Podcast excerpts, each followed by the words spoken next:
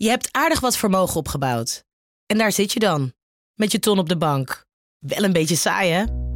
Wil jij, als belegger, onderdeel zijn van het verleden of van de toekomst? Bridgefund is een slimme fintech die een brug slaat tussen de financiële behoeften van ondernemers en van beleggers. Dus wie belegt bij Bridgefund krijgt niet alleen een mooie vaste rente, maar brengt ook ondernemers in beweging. Echt waar! Met die ton kan je zoveel betere dingen doen. Bridgefund. Make money smile. Vanuit het Tweede Kamergebouw in Den Haag het verhaal van vandaag. Mijn naam is Floor Boon.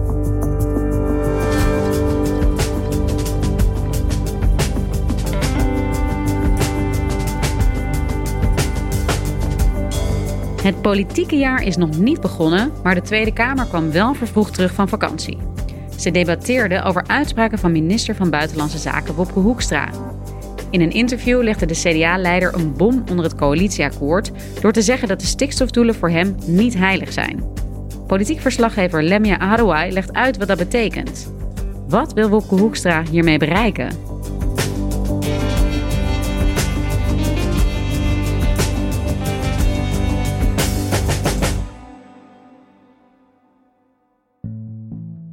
Sinds uh, begin juli is uh, de Tweede Kamer met uh, reces. En dat betekent dat er geen debatten staan ingepland. Dat mensen op vakantie zijn. Dat het gebouw waar wij nu in zitten, hè, het Tweede Kamergebouw, dat, dat dat eigenlijk best wel uitgestorven was. Zo heel af en toe zag je nog wel eens iemand langslopen. Maar de kantine was dicht, om maar eventjes aan te tonen hoe, hoe leeg het was. En dat veranderde allemaal toen vrijdag, een week geleden, een interview met Wopke Hoekstra in het Algemeen Dagblad verscheen. CDA-minister Hoekstra zet de verhoudingen in de coalitie op scherp door in een kranteninterview te morrelen aan de stikstofafspraken in het regeerakkoord. In het AD zegt hij dat de stikstofdoelen voor 2030 voor hem en zijn partij niet meer heilig zijn. Het CDA gaat lijnrecht in tegen het beleid van stikstofminister Van der Wal. En die was vanmorgen te verbijsterd om erop te reageren. Dat was hier echt een soort van shocking nieuws, want dit stond wel in het coalitieakkoord. Het coalitieakkoord van VVD, D66, ChristenUnie en het CDA. Dat betekent dus eigenlijk dat hij vindt dat er wat anders moet gebeuren dan wat in het coalitieakkoord is afgesproken. En het is goed om te weten dat Bob Hoekstra zelf de onderhandelingen heeft gedaan hè, in de formatie om tot zo'n akkoord te komen. En dat zijn handtekening ook onder dat akkoord staat. En dat is ongewoon in Den Haag. Dat doe je niet op deze manier. En je hoorde al vrij snel van andere partijen die ook in de coalitie zitten: van joh, hij heeft dit niet op tafel gelegd in de gesprekken die wij aan het voeren zijn over stikstof. Dus je moet je voorstellen, hè, juist in een periode waarin uh, boeren in opstand kwamen, de vlag in heel Nederland zo'n beetje op de kop hangen, komt één van de partijleiders van een coalitiepartij naar buiten, zonder dat hij, zeggen de andere partijen, intern zijn zorg heeft aangekaart, met een interview in het AD waarin hij wat anders zegt dan dat hij heeft afgesproken. Ja, en dat zorgde er natuurlijk voor dat de oppositiepartijen, en in dit geval was Geert Wilders de eerste, dachten, hier moeten we over gaan debatteren. En D66 als coalitiepartij steunde dat verzoek. Hoe eensgezind is het kabinet? In Den Haag keert de Tweede Kamer terug van reces voor een debat over de uitspraken van CDA-leider Hoekstra. En iedereen vraagt zich af: is er nog genoeg vertrouwen in het kabinet Rutte 4 om door te gaan met elkaar? Ja, Lemja, jij bent politiek verslaggever hier in Den Haag. Jij was erbij bij dat debat waar Wopke Hoekstra, leider van het CDA en minister van Buitenlandse Zaken, ja, op het matje werd geroepen voor die uitspraken in de media. Wat zag je daar precies gebeuren? Wat je zag was in de zaal in ieder geval. Um, je moet je voorstellen, de bewindspersonen die aanwezig zijn, die zitten dan altijd in wat heet vak K, vak kabinet. En hoewel ze ook fysiek ver van elkaar afzaten, Wopke Hoekstra en Mark Rutte, leek er tussen die twee ook een soort van uh, muur van ijs te zijn ontstaan. Mark Rutte was gewoon ontzettend boos op Wopke Hoekstra en dat liet hij ook meer dan duidelijk zien. Dus hè, je kan zoiets verbergen, maar hij had zich heel duidelijk voorgenomen van ik ga helemaal niks verbergen, ik kijk jou gewoon niet meer aan. Kijk, de minister die verantwoordelijk is voor het natuur- en stikstofbeleid is Christiane van der Wal. En zij is ook VVD'er, dus zij is partijgenoot van Rutte.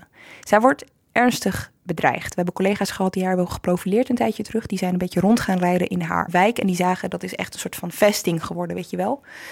En dat een andere partijleider en tevens ja, kabinetsgenoot dan op zo'n manier afstand neemt van kabinetsbeleid, ja, dat wordt hem echt wel heel erg kwalijk genomen.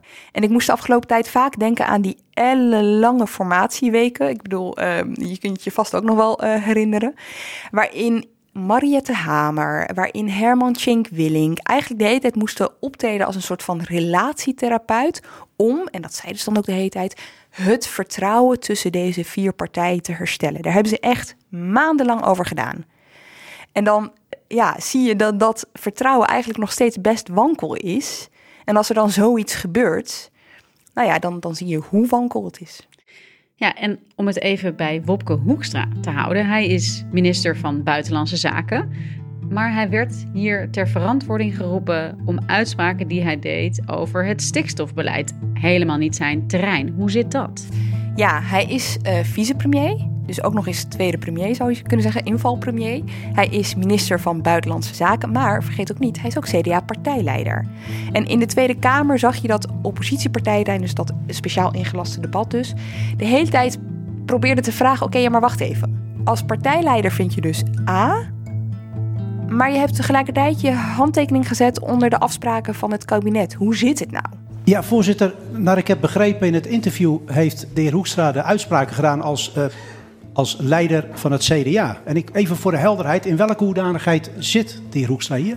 Uh, volgens mij, staatsrechtelijk gezien, zitten daar de mensen van het eh, kabinet en zit de heer Hoekstra uh, hier in de aanwezigheid van de minister van Buitenlandse Zaken. Ik denk echt oprecht soms, als ik dan naar zo'n debat zit te kijken, denk ik ja. Ik snap het al niet, terwijl ik het van heel dichtbij probeer te volgen en ook nog eens achter de schermen probeer te praten met mensen om het, die, die het me uit kunnen leggen. Laat staan hoe iemand dit moet zien die gewoon helemaal niet bezig is met politiek en naar dit debat kijkt. Want er ontstaat een soort van parallele wereld met een parallele logica of zo.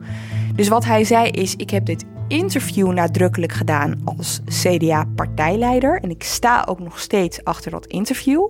Dat heb ik nadrukkelijk gedaan als CDA-partijleider. En ik sta ook achter dat interview. En hij benadrukte ook dat wat hem betreft het regeerakkoord ook nog steeds wel staat feitelijk op dit moment. Nou ja, dat is natuurlijk van een logica, dat snapte niemand. En dat brengt dan allemaal bizarre vraaggesprekken met Kamerleden op gang, waar niemand echt wat wijzer van wordt. Maar dit was ook de verdedigingslinie van Mark Rutte, die natuurlijk ook de Kamer te woord moest staan over dit interview, wat dit nou betekende voor zijn kabinet. Staat het coalitieakkoord voor het hele kabinet? Ja. Daarbij wel een oogschouw te nemen dat dat interview er ligt. Wat dus op een onderdeel schuurt met dat coalitieakkoord. Verder ga ik niet op het interview in. Ik ga dat niet becommentariëren en dus ook niet becommentariëren wat degene die het interview heeft gegeven zelf becommentarieert op wat hij becommentarieert. Dat ga ik niet becommentariëren. Ja, waarschijnlijk als je nu aan het luisteren bent denk je, wat? Maar zo is het.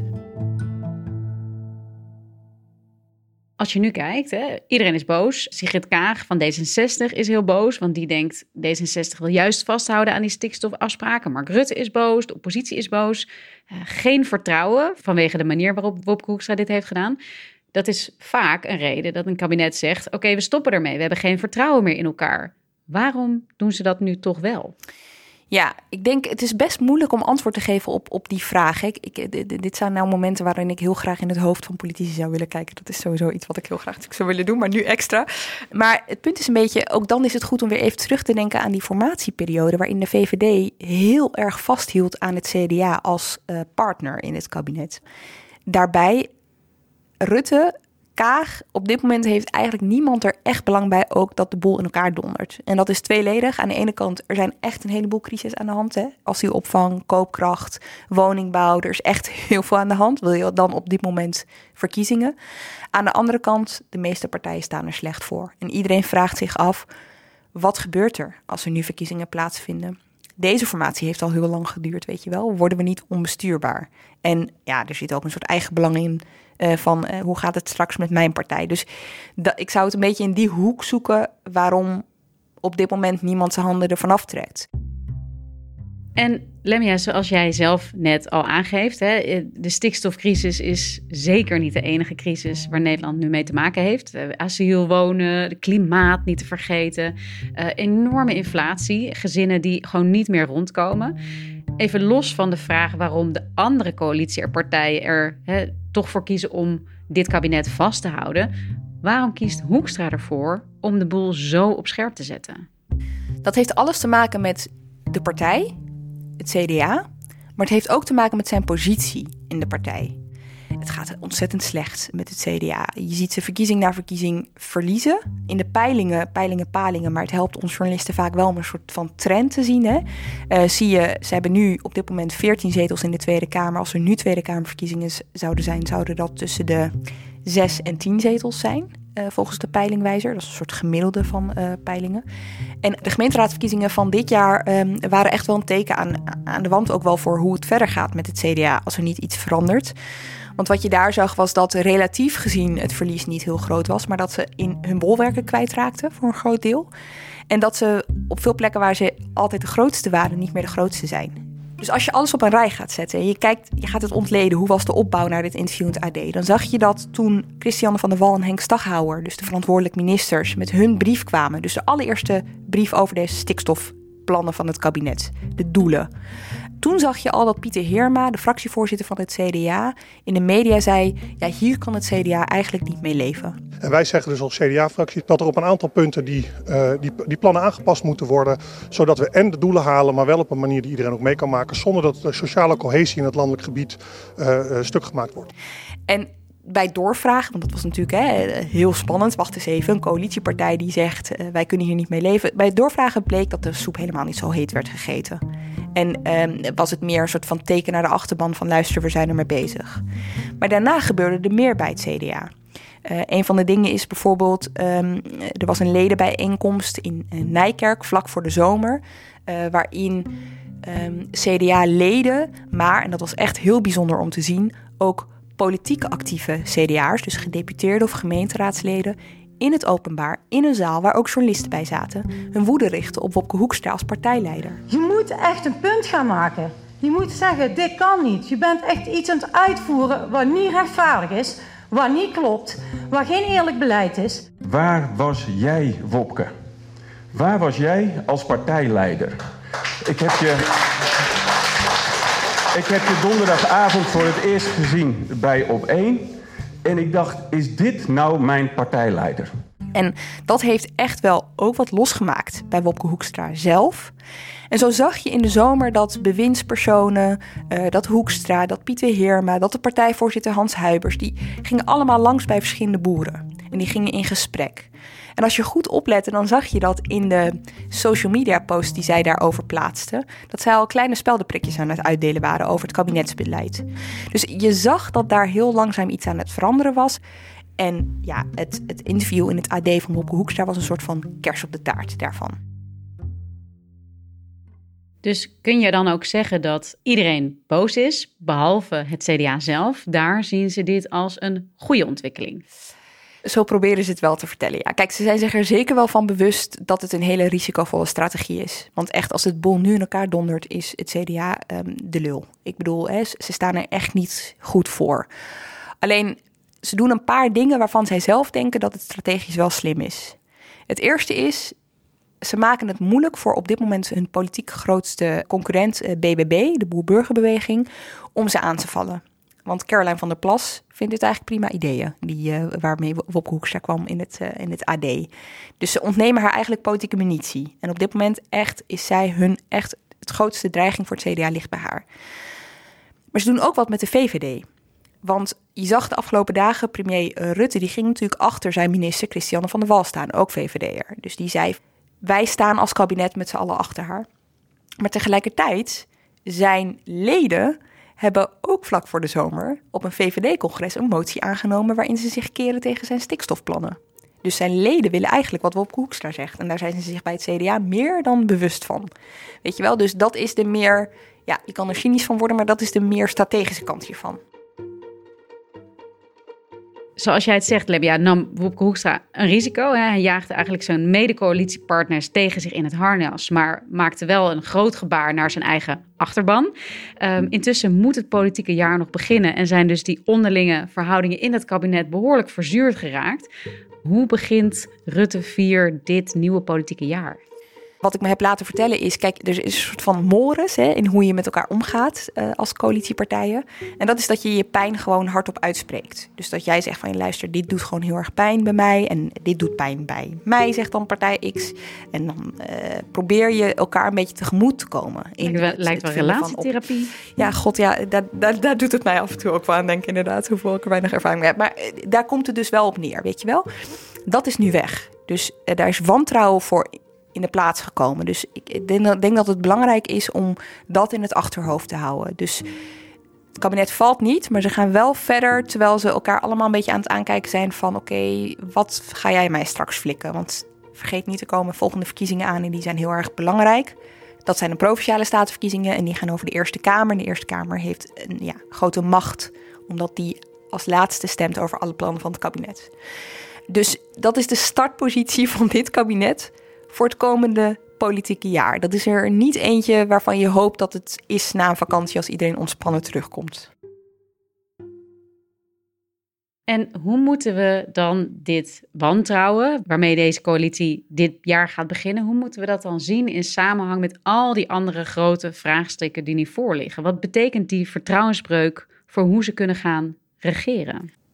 Nou, dat heeft meer te maken met hoeveel gunnen ze elkaar nog. Want er liggen dus verschillende crises op uh, verschillende tafels. En vaak komt dat uiteindelijk ook neer op een onderhandeling tussen die vier coalitiepartijen. Hè? Uh, jij krijgt dit, ik krijg dat. En dan proberen ze rekening te houden met elkaar, met elkaars pijnpunten, met elkaars achterban. Dus je kan je voorstellen, bij de VVD is er op dit moment heel veel onrust in de achterban, tot en met ingezonden brieven aan de staatssecretaris uh, aan toe over de opvang van asielzoekers bij de D66-achterban is klimaat ontzettend belangrijk. En zij vinden juist dat die stikstofreductie hoe sneller, hoe beter moet gaan. Weet je wel? Dus al die partijen zitten met hun eigen achterban. En normaal breng je dat allemaal samen naar tafel. Dan hou je daar rekening mee. Dan, dan, dan gun je elkaar ook af en toe wel iets. En dat is nu weg. In ieder geval in de richting van Wopke Hoekstra. En hoe gaat het nu verder met die stikstofdoelen? Ja, want dit was al spannend, hè, zou je kunnen zeggen. Het was een spannende politieke week, zonder al te veel uh, Lucky TV te willen zijn. Maar het echt spannende komt nog. Want Johan Remkes, uh, vergeet hem niet, is natuurlijk uh, aan het werk gezet door het kabinet. Dit is een VVD-corrivee, een soort magier die allerlei soorten crisis weet vlot te trekken. Het wonderkind van het Binnenhof, uh, hoewel die best oud is. Maar uh, hij weet echt inderdaad altijd overal wel ongeveer een formule voor te bedenken. Daar staat hij onbekend. En hij is nu de gesprekken tussen de boeren en andere betrokkenen en het kabinet aan het lostrekken. Maar niemand weet precies waar die mee gaat komen. Is het een rapport? Zijn het aanbevelingen? De opdrachtomschrijving is vrij vaag. Er wordt ook vaag over gedaan um, in het kabinet. Ook deze week weer in het, uh, in het uh, debat. Maar goed, hij zal komen met iets. Laten we rekenen op aanbevelingen aan het kabinet. Nou, dat gebeurt waarschijnlijk volgende week of anders begin september ergens. Stel nou dat hij daarmee komt, dan is dat pas het startpunt van nieuwe gesprekken van het kabinet. Want dan moeten ze knopen gaan doorhakken. Dus kiezen ze ervoor om het coalitieakkoord open te breken? Uh, kiezen ze ervoor om gewoon op dezelfde voet verder te gaan? Lijkt me niet. Maar goed, er zijn dus allerlei scenario's te bedenken. En wat overigens meespeelt in de uh, boosheid van andere coalitiepartijen, is ook dat ze vinden dat Hoekstra dus niet alleen het proces met Remkes bemoeilijkt, maar ze verwijzen er ook nog graag op dat het CDA de partij is geweest die überhaupt zo'n gespreksleider wilde. Weet je wel? Dus uh, je hoort dan, oké, wacht, het CDA wilde een gespreksleider. Daar zijn wij in meegegaan. Die begint een proces. En dan gaat de partijleider van het CDA midden in dat proces iets anders zeggen dan dat we met elkaar hebben afgesproken. Dus daar zit het onbegrip ook. En wat Hoekstra heeft gedaan in het AD, hij heeft eigenlijk dat gesprek nu al heel erg gepolitiseerd. Want reken er maar op dat er in de coalitiepartij nu wel gedacht wordt in hoe kom ik hier straks uit, als winnaar of als verliezer. Dus uh, stel nou dat Remkes inderdaad zal zeggen 2030 als einddoel um, om de stikstof te hebben gehalveerd. Ja, dat is eigenlijk te strak. Daar moet je iets losser over denken. Nou, dan gaan ze bij het CDA denken, ja, dit is ons succes. Weet je wel? En die andere partijen, daar is het woord weer, gunnen hem dat niet meer. Dus hij heeft daarmee, zo, zo verwijten die andere coalitiepartijen hem ook, dat gesprek dat nog moet gaan komen eigenlijk bemoeilijkt. Dus uiteindelijk is het wachten op wat Johan Remkes het kabinet aanbeveelt en uh, begint, ja, begint het dan pas echt. Dan is het uh, politiek pas echt spannend, absoluut. Dankjewel, Lemia. Heel graag gedaan.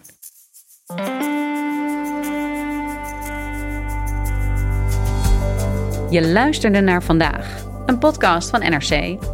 Eén verhaal, elke dag. Deze aflevering werd gemaakt door Mila Marie Bleeksma, Iris Verhulsdonk en Marco Raaphorst. Dit was vandaag. Maandag weer.